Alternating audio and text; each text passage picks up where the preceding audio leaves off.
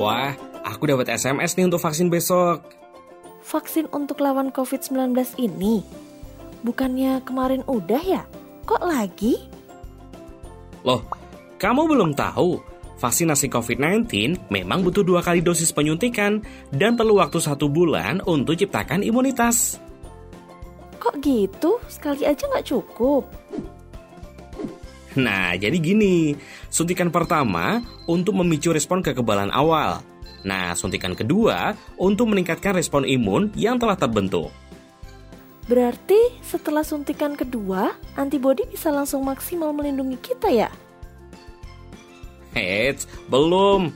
Vaksin ini butuh 14 hingga 28 hari setelah penyuntikan kedua untuk membangun jumlah antibodi yang optimal supaya memberikan pelindungan yang maksimal. Terus apa nih yang perlu disiapin sebelum vaksin?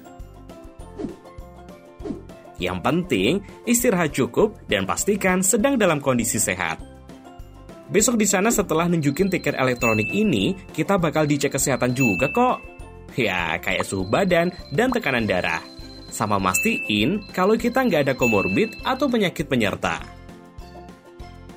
Wah, kapan ya masyarakat bisa vaksin juga? Biar bisa lepas masker nih. Eh, jangan salah. Walaupun sudah divaksin, protokol kesehatan masih tetap harus dilakukan. Makan makanan bergizi dan olahraga juga perlu. Biar antibodinya bisa terbentuk optimal.